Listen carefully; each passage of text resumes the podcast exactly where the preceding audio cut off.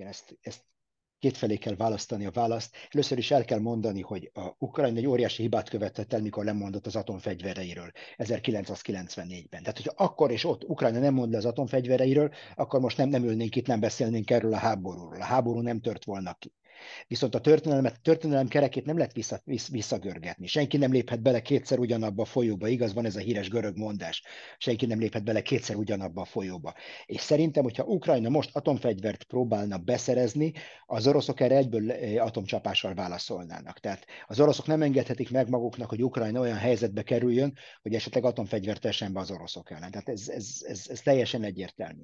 Hát abban a pillanatban, amikor valaki egy állam atomfegyvert szerez be, akkor abban a pillanatban atomfegyverek célpontjává is teszi magát, és, és ezt, ezt, ezt nem lehet, ettől nem lehet eltekinteni. Üdvözlöm Önöket, Morvai Péter szerkesztő vagyok, ez a Hetek Originals legújabb adása, Robert C. Castell, biztonságpolitikai szakértő, a Neokon főmunkatársa, a vendégünk. Üdvözlöm Önt! Jó napot kívánok, és nagy szeretettel üdvözlöm a nézőket, hallgatókat Jeruzsálemből. És mielőtt belekezdenénk a mai témánkba, egy eh, sokak által várt eh, bejelentés és hír. Ugye, ahogy utalt már a legutóbbi adásunkban, érkezik e hónap közepén Budapestre, és több program is lesz ezekről az ön Facebook oldalán, lehet majd részletesen is olvasni. Én csak egy programot szeretnék kiemelni, író-olvasó találkozó dedikálási lehetőséggel lesz február 15-én a Scruton kávéházban, belvárosban, a Zoltán utcában, ahol lehet önnel találkozni, dedikálást kérni az új könyvből, pontosabban a Függőleges Koporsó második bővített kiadásából. Jól mondtam? Tökéletesen. Tökéletes. Köszönöm szépen, Péter. Akkor várjuk a mielőbbi személyes találkozást, lesz itt a hetek stúdióban is személyes beszélgetés szintén február 15-én. És akkor nézzük a témáinkat, ahogy legutóbb is fölgyorsultak az események, és egyre több helyen olvasni azt a megközelítést, hogy szorítja az idő az oroszokat, Putyin minden elsőprő támadásra készülhet, megelőzve az új nyugati fegyverszállításoknak a megérkezését Ukrajnába. Itt volt ugye egy olyan hírja, kievi francia nagykövet beszélt arról, hogy összesen 321 harckocsi leszállítását döntötték el már a nyugati országok. Persze ezek nem mind tankok, Abramsek, Leopard 2 vannak benne, páncélozott harcjárművek, valamint hogy amerikai Patriot rakétarendszer is hamarosan megérkezhet Ukrajnába a támogatóktól. Most orosz szempontból logikusnak tűnhet az, hogy a nyugati fegyverszállítmányok új szintre emelés előtt egy döntő csapást próbáljanak mérni az ukrán ellenállása. Hogyan látja ön? Fölkészültek erre? Van erre reális lehetőségük? Hát a, a, nagyon jó kérdés, és én azt hiszem, hogy a, a kérdés, amit fel kell tennünk, hogy először is, hogy a környezet, a, az időjárás lehetővé teszi ezt, ezt a támadást most. És én nem tudom pontosan, hogy milyenek az időjárási viszonyok Dél-Ukrajnában, mert gondolom az ország északi részén a beállt már a kemény tél, és a talaj eléggé megfagyott ahhoz, hogy ezeket a harcjárműveket el tudja, el tudja vinni a hátán. De én nem tudom, hogy az ország déli részén tekintve, hogy egy nagyon-nagyon enyhe telünk van, hogy eléggé megfagyott-e a talaj. Még végső, sor, végső soron a, a földrajznak a zsarnoksága diktál olyan dolgokat mind a két hadviselőfél számára, amik, amit ugye maguktól nem, nem vennének magukra olyan korlátokat, de végső soron ez fogja eldönteni a, a, a hadműveleteknek az, a kezdetét. De ameddig az időjárás nem teszi lehetővé azt, hogy a páncélos, meg az, össze, az összfegyvernemi alakulatok kibontak, ki, kibontsák a, a, a soraikat, és hogy ne csak az utakon haladva tudjanak előre haladni, addig szerintem nem fogunk számottevő összfegyvernemi akciókat látni. Ez ugyanakkor nem zárja ki, nem zárja ki azt, hogy az oroszok nem terveznek valamilyen meglepetést a légideszant alakulataikkal. Tehát ez teljesen belefér az időjárás ellenére, ha nyílik egy egész kis rés az időjárásban, elég jól így idő legyen ahhoz, hogy a repülőgépek biztonságban tudjanak közlekedni. Én nem zárnám ki a lehetőségét egy ilyen légideszantos meglepetésnek valahol Ukrajnában. Ez beleférhet egyébként, ugye február 24-én lesz az egyéves évfordulója az invázió kezdetének, és azért ez valamennyire egy szimbolikus dátum is, hogy erre időzítve, ha nem is egy ilyen átfogó összfegyvernemi eh, támadásra kerülne sor, de amit ön említett, egy légideszantos eh, beavatkozásra.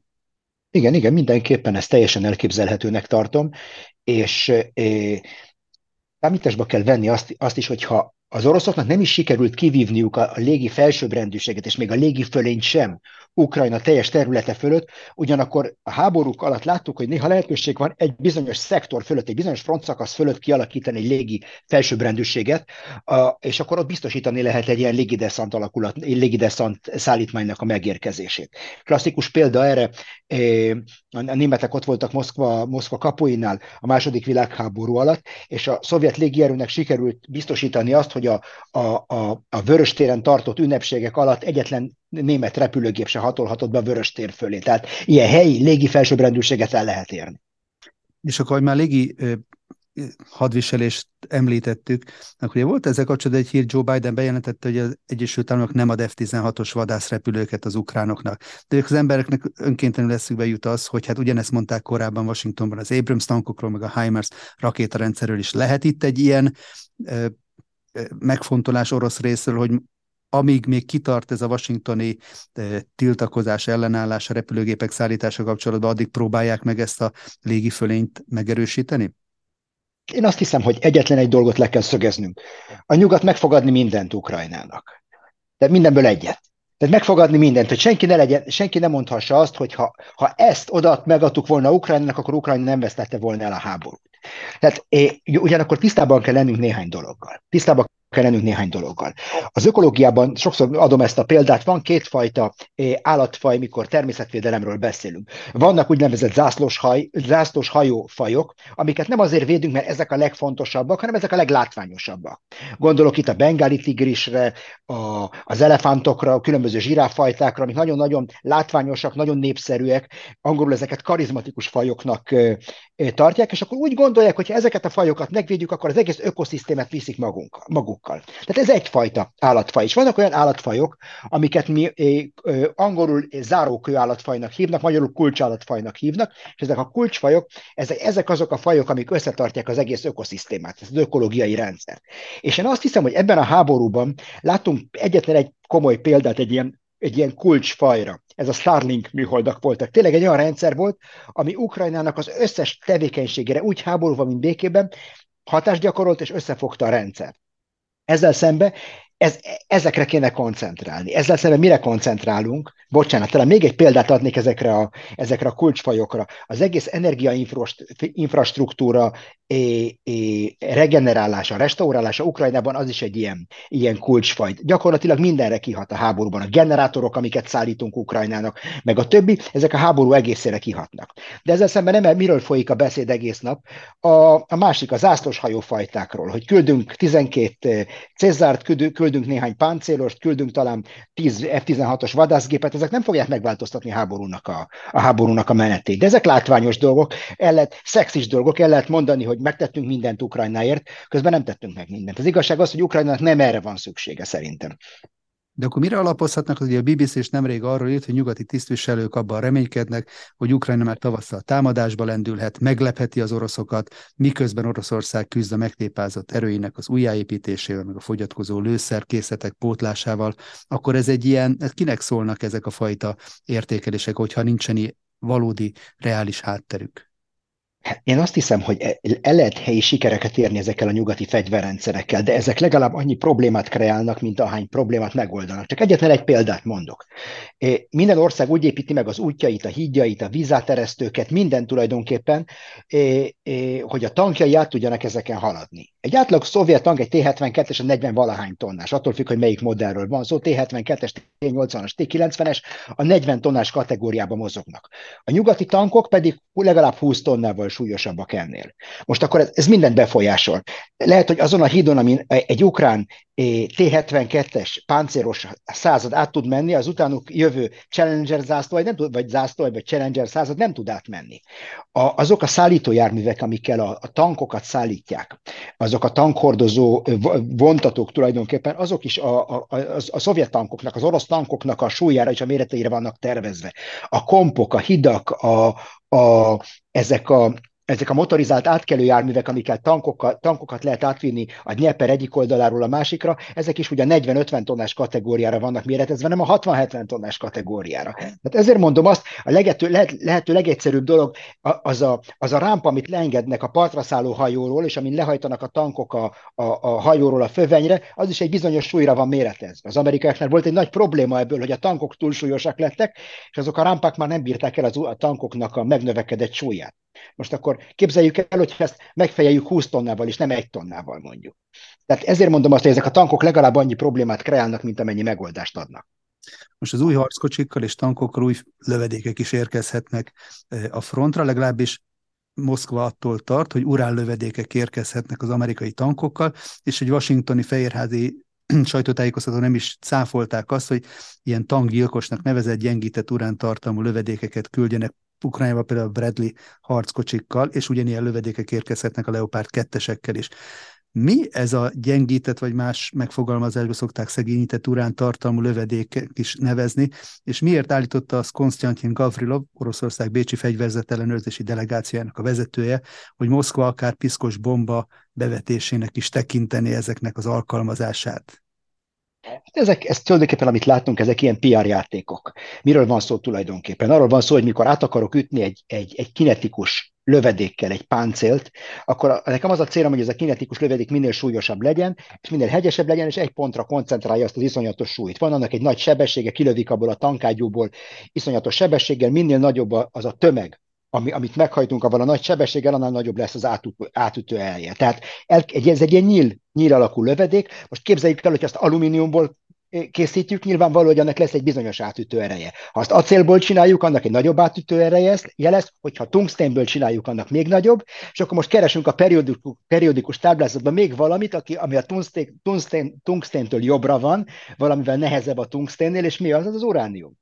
Most senki nem akar radioaktív urániummal szórakozni. Tehát nyilvánvaló olyan urániumot használnak, ami már elvesztette a, a radioaktív képességét, viszont a súlyát megtartotta. És ezekből készítek ezeket a nyilakat, ezeket a kinetikus lövedékeket, és erről szól ez az egész történet. De csak hogy proporcióba helyezzük a dolgokat, még egy gondolat, Péter, ha megengedi, mennyi az a, mennyi a, mi a különbsége mondjuk egy wolfram nyíl mondjuk úgy, és egy, egy, egy ilyen uránium nyíl között? Talán 10% az átütőerőképe növelésében, tehát hogyha nagyon-nagyon jótékony akarok lenni, akkor 10% előnyt nyerünk ebben. Tehát, hogy mondjam, ezek ilyen, ilyen, ilyen fokozatbeli különbségek, nem minőségbeli különbségek. De ugyanakkor arról is lehetett hallani, hogy a a Bradley vagy az Abrams harckocsiknak a páncélzata is tartalmazhat ilyen gyengített urániumot. Ez azt jelenti, hogy akkor ezzel szemben, ezekkel a lövedékekkel szemben is ezek védelmet adhatnak, bár ugyanakkor azt is bejelentették, hogy ezeknek a ezeket a Ukrajnába küldendő harckocsikat nem fogják ilyen páncélzattal felszerelni, hogy orosz kézbe jussanak. Hát ez egy fontos információ, ezt, ezt én nem tudtam. Mit kell tudni? Azt kell tudni, hogy a, a, a korai Bradley páncél, bocsánat, a korai Abrams páncélosoknak nem volt ilyen, ilyen szegényített uránium páncélja, hanem más anyagokból, más kompozit anyagokból készült páncélja volt. A későbbi modellekbe kerültek felhasználásra ezek a, egy olyan mátrix tulajdonképpen, egy olyan háló, aminek az egyik rétege egy ilyen gyengített uránium. És akkor ebből az információból, amit öntől hallottam most először, arra következtetek, hogy nem a legmodernebb Bradley tankokat fogják küldeni Ukrajnába, hanem a legkevésbé, az első szériásokat, tehát mondjuk eh, nem a legmodernebbeket, mert azoknak tényleg nincs ilyen uránium páncélja. Viszont azt el kell mondani, hogy az iraki háború alatt volt egy, voltak esetek, mikor hátra kellett hagyni ilyen Abrams tankokat, és az amerikaiak próbálták megsemmisíteni őket, és a, a mellettük álló amerikai tankok rájuk lőttek, hogy megpróbálják felrobbantani őket, és nagyon nehéz volt, nem, az ötödik vagy a hatodik lövésre sikerült csak áthatolni ezt a vastag páncélját az Abramsoknak. Tehát ez, ez egy fontos dolog. Ugyanakkor szerintem ezek az aggodalmak ezekkel a az uránium eh, eszközökkel kapcsolatban túlzottak, erősen túlzottak. Ezek nem radioaktív eszközök, lehet, hogy bizonyos szinten mérgezőek, tehát a tungsten is mérgező egy bizonyos szinten. És avval is tisztában kell lenni, hogy a, ebben a háborúban valószínűleg a legtöbb tankveszteséget nem az ellenség tankjai okozzák. Tehát volt erről már elég sok kutatás, úgy Amerikában, mint Európában is, ami, és a következtetés, amire jutottunk, hogy a legtöbb tank ölést mondjuk úgy nem ellenséges tankok hajtják végre, hanem más harceszközök. Hát amit elképzelünk ezeket a festői párbajokat a különböző tankok között, ez a közel-keleti háborúk, 73-as háborúban látunk ilyeneket. Manapság sokkal inkább ilyen páncéltörő irányított rakéták, helikopterek, légieszközök, drónok, és ezek, ezek fogják szedni a legtöbb áldozatukat, és ez így volt a háború elején is. A legtöbb orosz tankot nem az ukrán tankok semmisítettek meg, hanem drónok, kézipáncéltörő eszközök és stb.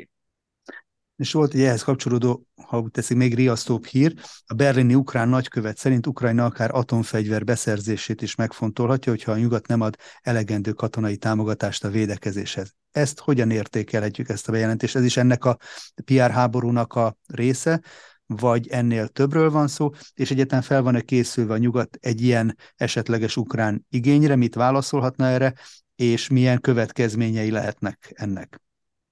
Igen, ezt, ezt kétfelé kell választani a választ. Először is el kell mondani, hogy a Ukrajna egy óriási hibát követett el, mikor lemondott az atomfegyvereiről 1994-ben. Tehát, hogyha akkor és ott Ukrajna nem mond le az atomfegyvereiről, akkor most nem, nem ülnénk itt, nem beszélnénk erről a háborúról. A háború nem tört volna ki.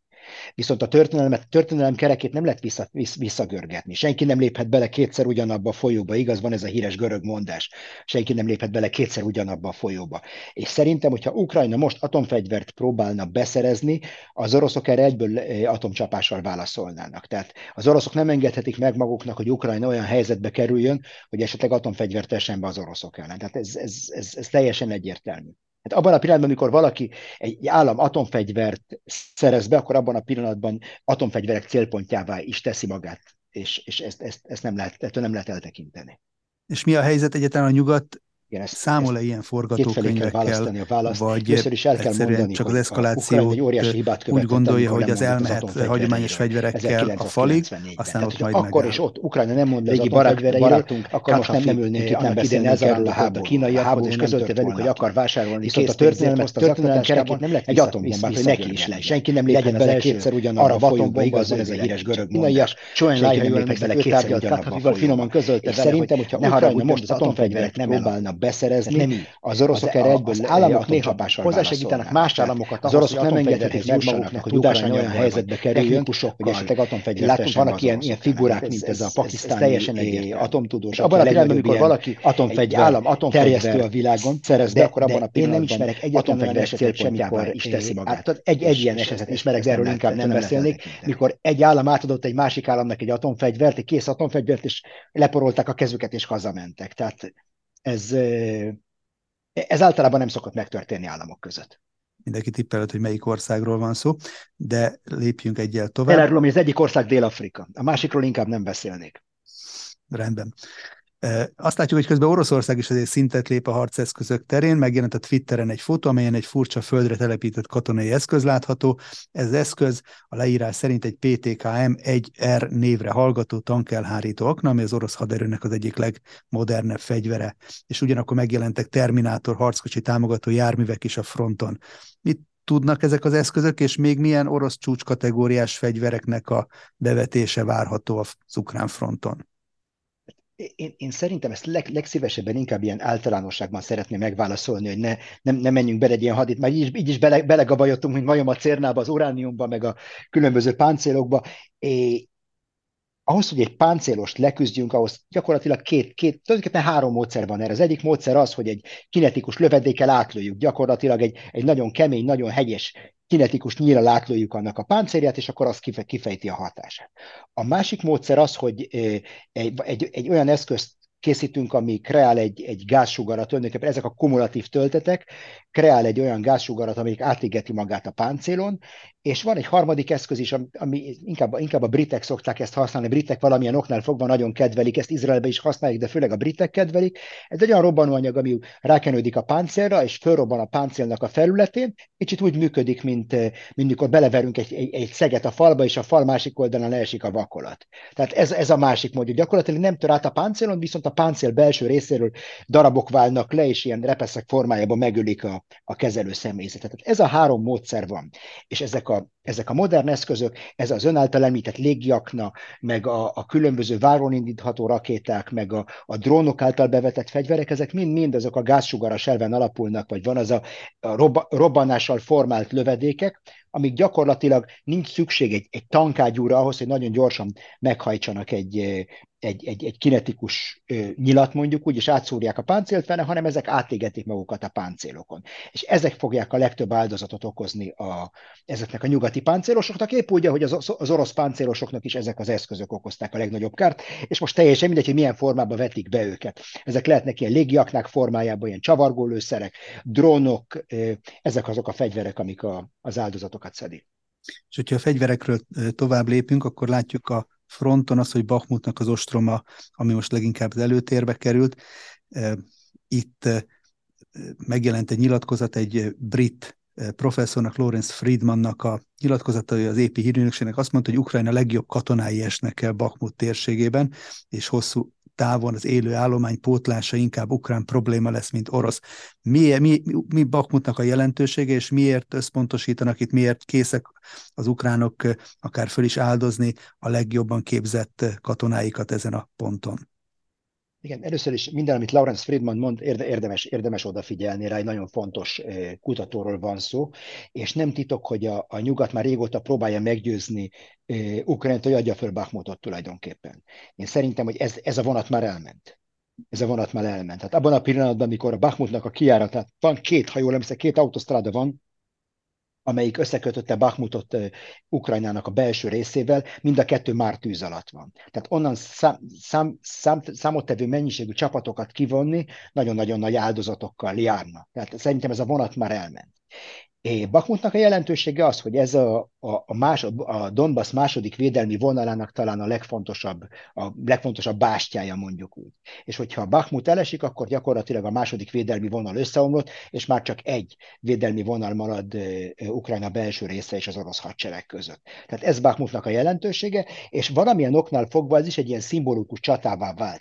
Minden háborúban vannak ilyen szimbolikus csaták, amit utólag, ha megvizsgáljuk, akkor azt mondjuk, hogy mi a fenér harcoltak ezért a helyért, semmilyen jelentősége nincs. Viszont nem minden, a stratégia az nem csak matematika. Van egy érzelmi része, van egy szimbolikus része is, és néha egy egyik fél meghatározza, hogy itt megveti a sarkát, és ezt a csatát jelképé alakítja át, akkor annak, annak jelentősége. Ezt láttuk a háború elején a Kígyó szigettel kapcsolatban is. Volt, írtam is erről egy cikket, hogy ennek van egy nagyon fontos jelentősége, mert ameddig az ukránok nem tudják, ha, ha az ukránok nem tudnak egy olyan szigetet, ami 40 kilométerre van a partjaiktól, nem tudják ezt a szigetet el, elvenni az oroszoktól, akkor mi az esélyük rá, hogy elvegyék a krimet az oroszoktól újra. Tehát ez egy ilyen szimbolikus csata volt a Kígyó szigetért. És akkor mire lehet számítani, hogyha ön is említette, nincsen lehetőség az ukrán csapatoknak a rendezett kivonására, vagy egyetlen az evakuálására Pachmutból, akkor itt egy olyan elhúzódó végleket, végletekig tartó harc lesz, mint mondjuk az Azovsztál acélműnek a alaksorában, bunkereiben, ami zajlott, vagy pedig elképzelhető egy tömeges megadása is nagyszámú ukrán katonának. Hát én azt hiszem, itt fogjuk látni azt, hogy milyennek ez egy jó, jó, jó vizsgai, jó, jó, jó vizsgája lesz a Bakmuti csata az oroszok valódi céljainak. Hogyha Oroszországnak a célja csupán az, hogy csak, csak a Donbaszt foglalják el, akkor a leglogikusabb stratégia az, hogy nyitnak egy aranyhidat a, a Bakmuti védők számára, hogy vissza tudjanak vonulni lehetővé teszik azt, hogy a, a, a, az ukránok evakuálják Bakhmutot, és akkor az oroszok kevés kis áldozatára meg fogják kapni ezt a várost, és akkor mindenki, mindenki jól jár, és, és happy end végződik minden, és akkor tudjuk, hogy az oroszok csak, csak a Dombaszt akarták. Viszont, hogy az oroszoknak nem az a célja, hogy csak a Dombaszt foglalják el, hanem össze akarják zúzni az egész ukrán hadsereget, akkor mindent meg fognak tenni, hogy egy ilyen aranyhíd ne, ne jöhessen létre, és ezeket a csapatokat az utolsó, az utolsó szálig, vagy foggyulajtsék, vagy megöljék őket. És hogyha... Ez ilyen szempontból egy nagyon fontos vizsga, vizsgálja ez az orosz céloknak, a bakmuti csatának a kimenetele. Egyébként ilyen minőségi haderőveszteségét feltéve, hogy akkor a második forgatókönyv valósulna meg, amit ön említett. Tehát egy ilyen minőségi haderőveszteséget tudnának az ukránok pótolni, és ha, ha igen, akkor mennyi idő lenne hozzá szükséges? Én azt hiszem, hogy egy ilyen, egy ilyen veszteséget, lehet, hogy egy ilyen veszteséget tudnak pótolni. A kérdés az, hogy egy másodikat, egy harmadikat, egy negyediket is tudnának-e pótolni. Mert hogyha Lawrence Friedmannak igaza van, és tényleg ezek Ukrajnának a legjobban kiképzett, legtapasztaltabb csapatai, az egy hosszú-hosszú időbe telt, még elérték ezt a, a, a, a profiságnak ezt a szintjét. És ebben a háborúban Ukrajnának sok mindenje van, ideje nincs. Az egyetlen dolog, amit a nyugat nem tud szállítani Ukrajnának az ukránokon kívül, az az idő időt nem tud a nyugat szállítani. Ez érdekes, hogy Oroszország szempontjából is az időt, időtényezőt említik egy ilyen szűk keresztmetszetnek, ezek szerint Ukrajna is ugyanezzel a problémával küzd. Lehet egyébként ebből az idő szűkéből valami fajta pozitív kimenetele a konfliktusnak?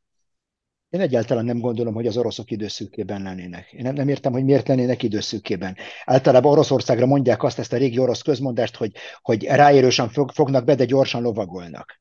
Tehát egy, egy olyan dinoszaurusz, amelyik nagyon nehézkesen, nagyon lassan mozog, tehát hónapokba kellett, tellett valószínűleg még átálltak egy három műszakos termelésre, vagy négy műszakos, vagy halom egyes szakértők, négy műszakos terhelés, termelésre a gyárakban, átalakítottak üzeneket, üzemeket a, a régi T-62-es páncélosok felújítására, és egy hadigazdaságra átállni, vagy tehát a hadigazdaságra átállni iszonyatos időbe telett az oroszoknak, és szerintem még mindig nem fejezték be ezt a folyamatot. És én ezért egyáltalán nem látom azt, hogy, hogy nagyon időszűkében lennének, mert gyakorlatilag az idő az ő malmukra hajtja a vizet. Van egy határ annak, hogy a nyugat mennyi hadianyagot tud szállítani Ukrajnának, és még az a száz páncélos is, amiket beígértek Ukrajnának, amik valószínűleg fokozatosan fognak megérkezni, nem egy tömegben, ezek, ezek nem fognak számottevő változást hozni a háború menetére. Bakmuttal kapcsolatban olvasom egy másik érdekes eh, nyilatkozatot, megállapítást is. Mikola Bieliszkov, az Ukrán Nemzeti Stratégiai Kutatóintézetnek az elemzője azt mondta, hogy az ukrán védők sokszor nehéz fegyverek nélkül kézi fegyverekkel tartják a frontot. Na most, hogyha ez így van, akkor egyébként nem elkésett a nyugat részéről az, hogy majd most kezdenek el az ígéretek szerint nehéz fegyvereket szállítani? Miért nem tették ezt meg korábban, hogyha ezzel így kiszolgáltatták az ukrán haderőnek ezt a minőségi részét. Erről írtam egy cikket, hogy eh, hogyan viselkedik a nyugat, vagy hogyan viselkedett az Egyesült Államok, amikor valójában akart, akart segíteni. Látunk erre egy példát a 73-as háborúban. Akkor, akkor tényleg nem, nem, volt ez a, ez, a, ez a centizés, hogy most egyet küldök, vagy kettőt, vagy hármat, és nem tépelődtek ennyit, hanem gyakorlatilag megszületett a döntés egy pillanat alatt. Olyan szinten született meg a döntés, hogy, hogy, hogy Nixon, Nixon elment aludni, és eh, Kissinger leült a, a CIA igazgatójával, William Colbyval, és az amerikai hadügyminiszterrel, Hegel, és ők eldönt eldöntötték, hogy mit küldenek Izraelnek, és mit válaszolnak az oroszoknak egy éjszak alatt, mire Nixon fölébredt, már minden el volt intézve egy éjszak alatt, minden, minden döntés megszületett. Tehát nem, nem, kell, nem kell fél évben át centizni ahhoz, hogyha valaki tényleg akar valamit csinálni, akkor nem kell ezen fél évben át. Amerika szerintem valójában nem érdekelt abban, hogy ebben a háborúban egy számottevő változás hozzon, jöjjön létre.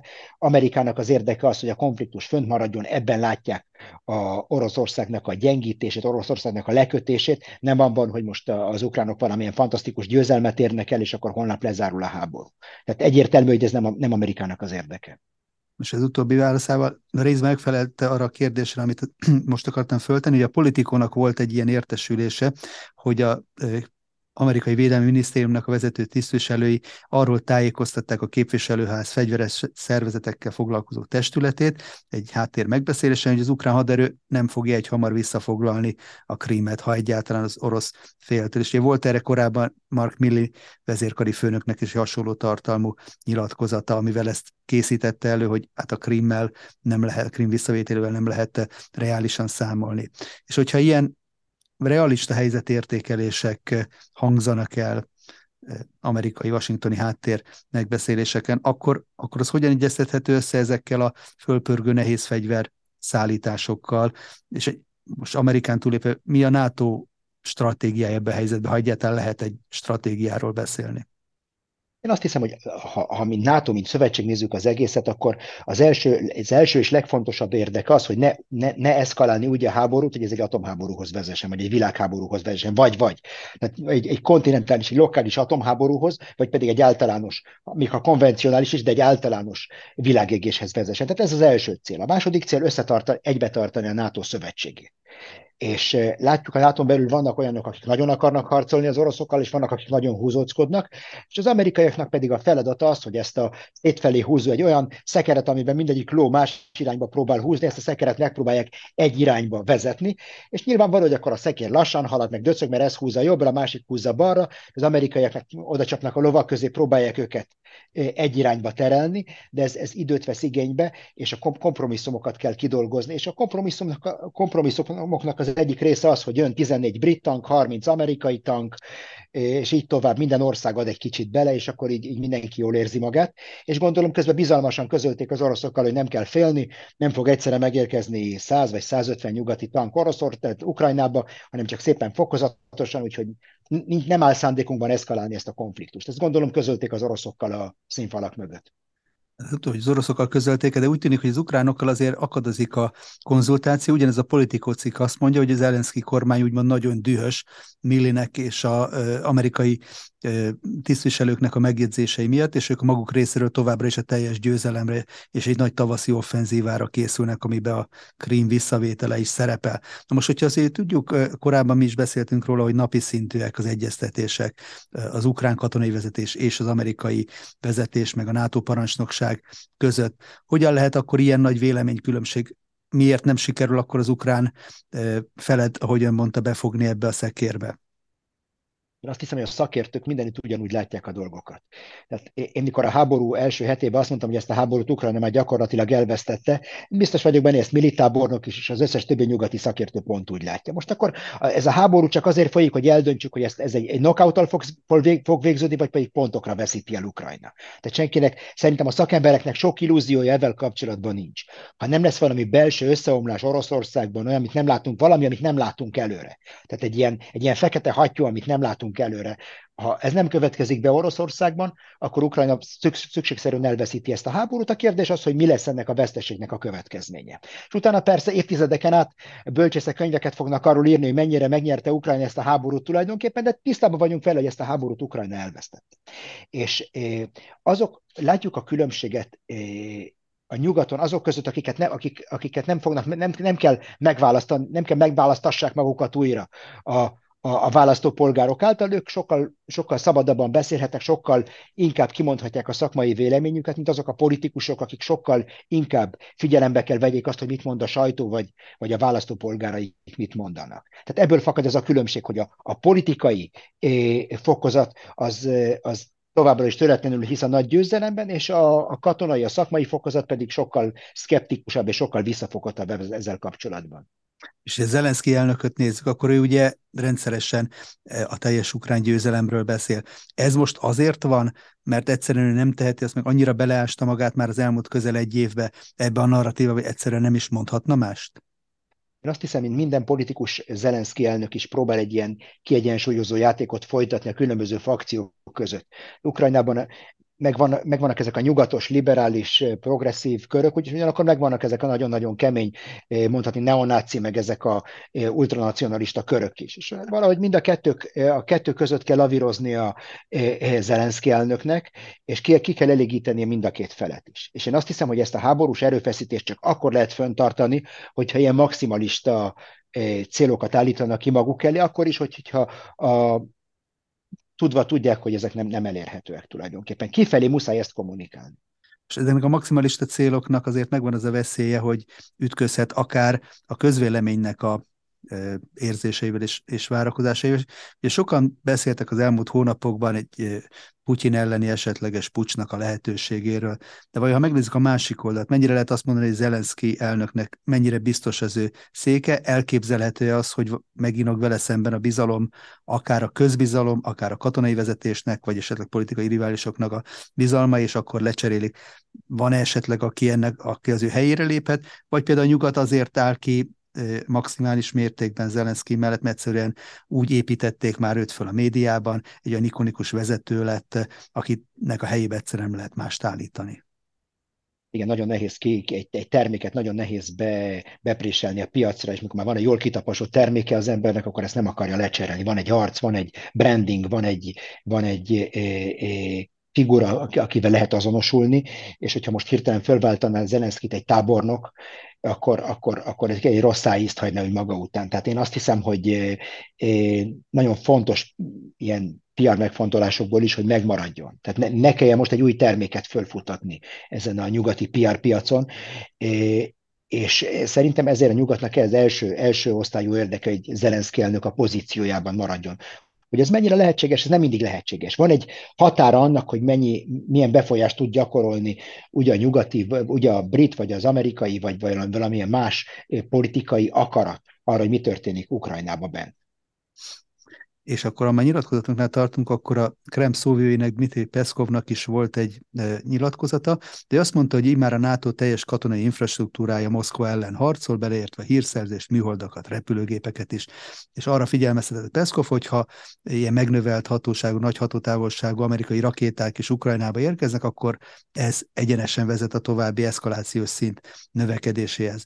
Most a rakétafenyegetéssel szemben mit lehet mondani, mennyire tud Oroszország véde, védekezni ezzel szemben, és mennyire tekinti ezt egy, egy közvetlen egzisztenciális fenyegetésnek?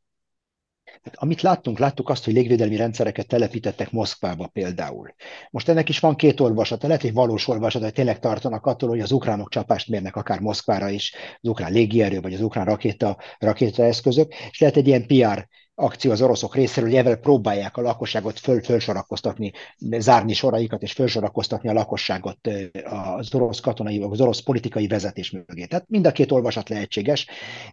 Az oroszok kidolgoztak az utóbbi évtizedekben egy sor fegyverrendszert, ennek az S családnak a kifejlesztett változata, ez S400-as, S500-as van a páncél, van egy sor légvédelmi rendszer, ami, amik bizonyos szinten képesek megküzdeni balisztikus rakétákkal és cirkáló robot repülőgépekkel, drónokkal, hogy milyen, hogy milyen hatékonysággal, azt látjuk, hogy mi történik Szíriában.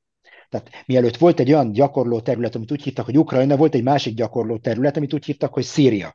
És Szíriában Izrael igen nagy előzékenységgel szállítja az oroszoknak azt, azt a nyugati légierőt, ami lehet gyakorolni. Tehát átadnak egy rendszert Szíriának, Szíria megpróbálja azokat a rendszereket Izrael ellen használni, és akkor az oroszok föl tudják mérni, hogy mit kell javítani ezeken a rendszereken, abból, hogy, hogy hány, hány szírkatonát temetnek aznap mondjuk. Tehát ebből lehet következtetni erre a dologra. És láttuk például Izrael nagyon nagy sikerrel megsemmisített ilyen pancír ütegeket, amiket a szírek használtak, és ez azt jelenti, hogy, hogy ezek az orosz légvédelmi rendszerek nem tökéletesek. Viszont erre mindig azt szoktam mondani, hogy mi volt a, a nagy előnye a T-34-es páncélosnak, a nagy technikai előnye, az, hogy 57 ezer darab volt belőle. Ez volt a nagy minőségi előnye, hogy volt belőle 57 ezer darab. Tehát az orosz légvédelmi rendszer még a szovjet időkből annyira sűrűn lett telepítve, és annyira, annyira telítve van vele az, a, a, a, az orosz légtér, hogy még hogyha nem is tökéletesek ezek a rendszerek, igen potens hatást tudnak kifejteni. Éppen mit lehet mondani, hol vannak most a vörös vonalak Moszkva szempontjából? Hát, az orosz nukleáris doktrína két dologról beszél. Az egyik, pontosabban több dologról beszél. Az egyik dolog az egzisztenciális fenyegetés az ország területi integritása vagy területi léte ellen. Tehát ez az egyik dolog. A másik dolog egy fenyegetés az orosz stratégiai fegyverekkel ellen. Tehát, hogyha egy olyan csapást ér mondjuk egy olyan légibázist, ahol orosz atomfegyverek vannak, és ez a csapás meg tudja akadályozni az oroszokat abban, hogy esetleg ezeket az atomfegyvereket bevessék, akkor ez, ez, ez is egy ilyen vörös vonal lehet. A harmadik vörös vonal pedig a mostani rezsimnek a túlélése. Tehát ez a három dolog, amivel számolni kell, és a veszélyes dolog a vörös vonalakban nem az, hogy eh, nagyon merevek, hanem az, hogy nagyon rugalmasak. Ha merev lenne, akkor nem lenne probléma, tudnánk, mihez kell tartani magunkat.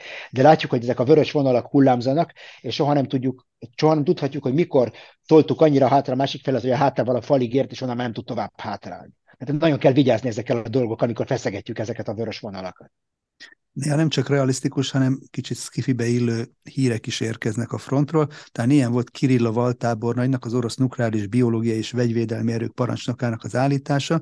Ő azt mondta, hogy az Egyesült Államok ukrán katonákon végzett HIV fertőzéssel titkos kísérleteket, állítólag 20 ezer dokumentumot is találtak már erről. Mennyire lehet komolyan venni ezeket az orosz állításokat? Állítani nem kerül semmibe. Tehát majd, ha bemutatják ezeket a dokumentumokat, én azt hiszem, hogy mikor valaki fog egy, fog egy olyan dokumentum, a birtokából jött olyan dokumentumoknak, amiket tényleg föl lehet PR célokra használni. A klasszikus példa erre az Iránnak az atomarchívum, amit Izrael hazavitt. Elmentek egy teherautóval, és Teheránból hazavitték Irán, Iránnak az atomarchívumát, azokat egyből be is mutatták aztán, tehát be is mutatták a világ közvéleményének. Én azt hiszem, hogy az oroszoknak vannak ilyen dokumentumok a kezében, akkor valószínűleg bemutatták volna őket. És ameddig nem mutatnak be ilyen dokumentumokat, ez marad a deklaráció szintjén.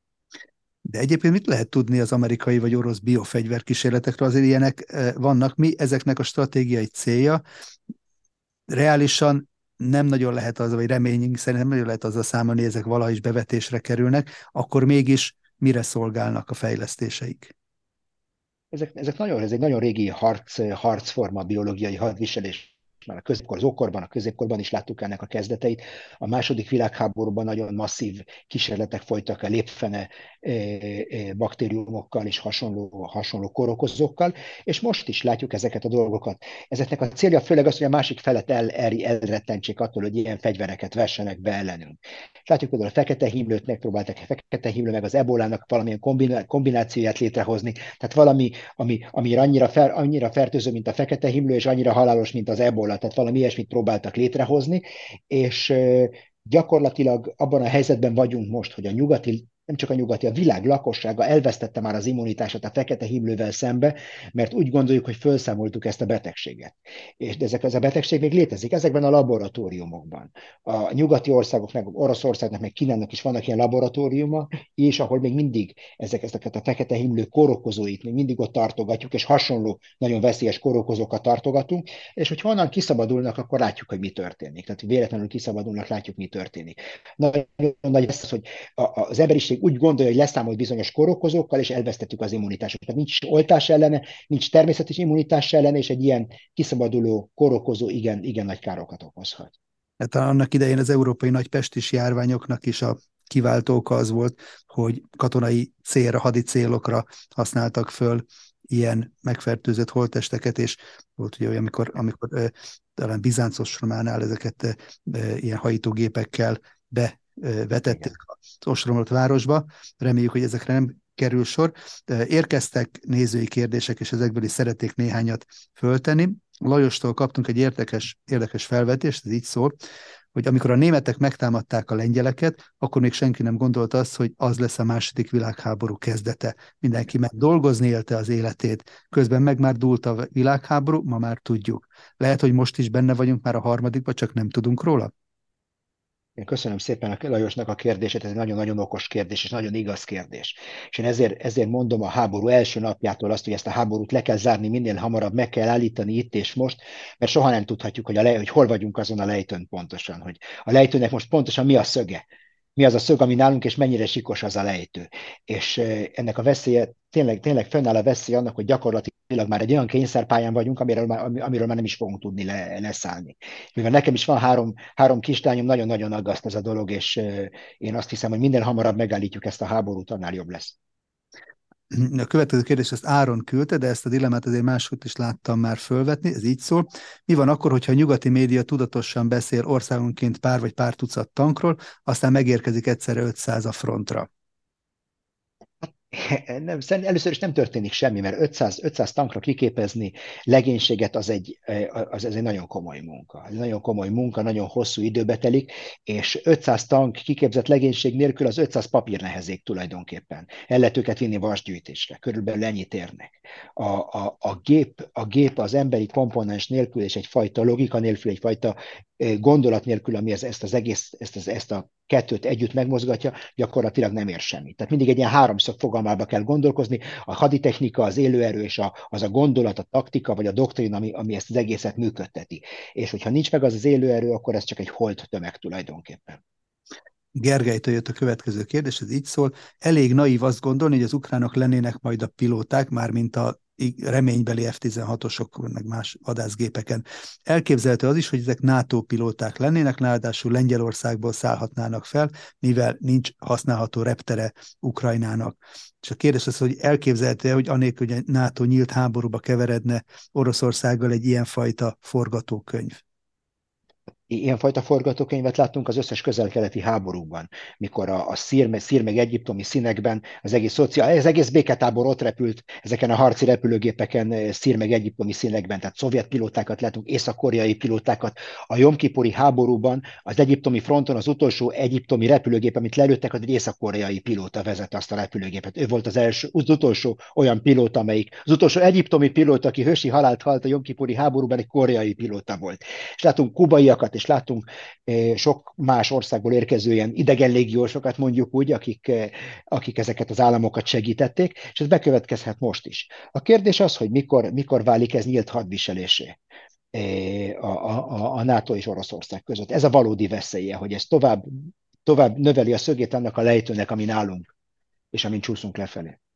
És nézőink nem csak itt Magyarországon, meg a környező országban, hanem távolabb is vannak, és például Németországból, Erfurtból kaptuk a következő levelet Józseftől, aki több kérdést is fölvett, ez így szól a levele. Tisztelt Kaster úr, rendszeres hallgatójaként és a nagy műveltségen és élettapasztalaton nyugvó világos, tiszta, következetes, analitikus gondolkodásának élvezetes ismeret átadásáért nagy tisztelője vagyok önnek és szeretnék a munkássága az erőt és egészséget kívánni. És írja József, hogy ha nem rabolnám az idejét, akkor volna egy hallgatói kérdésem. Véleményem szerint minden egy a már múltban bizonyított megszokott jellegzetes és alattomos terv szerint halad. Mit gondol ön? Célja lehet az angol szászoknak az ön által tisztán látott csepegtető taktikával Ukrajnát örök ellenségként kivéreztetni, és így Oroszországot meggyengítve végül egy eltitkolt cyberháborúban megsemmisíteni. Vagy ellenkezőleg a cél inkább Ukrajna erős katonai felfegyverzésével az, hogy hátvédként szolgáljon a Kína elleni harcra esetleges válaszát előre is megköszönve, tiszteletes üdvözette József Erfurtból. Nagyon szépen köszönöm Józsefnek a kérdését, és ennyi, ennyi szépet és jót nem mondtak rólam az utóbbi 15 évben eh, eh, összesen. Én, azt hiszem, én inkább nem, én nem attól tartok, hogy itt van egy, van egy nagyon eh, jól átgondolt és nagyon alaposan ki, ki, ki, ki, ki ki, kitervelt összeesküvés, nem ettől tartok és akkor inkább attól tartok, hogy nincs itt semmilyen ötlet, és gyakorlatilag csak sodrodunk egy, egy irányba, ami, amiről fogalmunk nincs, hogy a politikusok re, a, arra reagálnak, amit aznap reggel olvasnak a New York Times-ba, vagy megnézik, hogy hány lájkot kaptak a Facebookon, és arra reagálnak. Hát én ismerve a modern politikusoknak a, a, a a gondolkodásmódját, meg a modern politikának a dinamikáját a demokráciákban, és sokkal inkább erre tippelek, hogy sodródnak a napi eseményekkel, a szakemberek próbálják, az egyenruhás, meg a civil, civil szakemberek próbálják valamennyire egy, egy koherens politik, összekovácsolni ezeket az ötletszerű politikai döntéseket. Tehát látjuk például ezt, ezt a bolondokházat, ami a német külpolitika, a Schulznak a, a, a reálpolitikai megközelítését, és a zöldeknek a, ez a teljesen nem akarok nehéz kifejezéseket használni, mondjuk, hogy egy irracionális eh, módot, ahogy a külpolitikáról, meg biztonságpolitikáról gondolkoznak, hát egy ilyen göcsörtös fából valami egyeneset kifaragni nem lehet szerintem. Úgyhogy sokkal valószínűbb az, hogy egyszerűen sodródunk, esztelenül és irányítás nélkül, eh, mondjuk úgy, hogy kormánylapát nélkül sodródunk egy, egy vizesés felé, és eh, bár lenne összeesküvés, mert ha lenne összeesküvés, legalább bízhatnánk abban, hogy valaki irányítja ezt az egészet. De nincs semmi összeesküvés. Kormánylapát nélkül sodródunk egy vizesés felé. Robert Szikászer, nagyon köszönöm, hogy a rendelkezésünkre állt az elmúlt közel egy órában. Köszönöm önöknek is a kérdéseket és a megtisztelő figyelmet. És akkor az adás elején, ahogy említettünk, két hét múlva lesz lehetőség Budapesten találkozni Kasztelúrral, a Skruton kávéházban, a belvárosban, Zoltán utcában február 15-én 16 órától lesz egy író-olvasó találkozó, és lesznek más programok, és ezekről is leszámolunk majd a Facebookon. Köszönöm még egyszer a figyelmüket, további szép napot és szép hétvégét is kívánok majd önöknek.